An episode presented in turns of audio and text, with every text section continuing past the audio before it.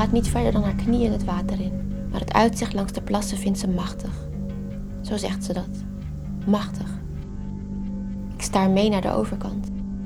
De schittering van het water, de rietzomen, alles eromheen wat vanaf deze afstand stil lijkt.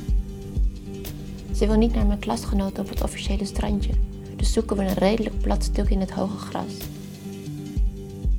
Probeer te ontdekken of Lucas uit mijn klas erbij is, zonder al te veel op zoek te lijken. Maar ze zijn te klein van deze afstand. Te veel hetzelfde. Nu de zon erop schijnt, kun je Vicky's tepels door het gaas van haar BH heen zien. Die BH die heeft niet eens vullingen en toch zit er hartstikke veel tiet in. De zonneweide verderop, het fijne volleybalzand dat abrupt overgaat in gras, groen en vet, het platte karton van een Calippo Sinas. Ik ga proberen om voor altijd dit te herinneren. Mieren die een lange sliert op die knaloranje siroop afmarcheren.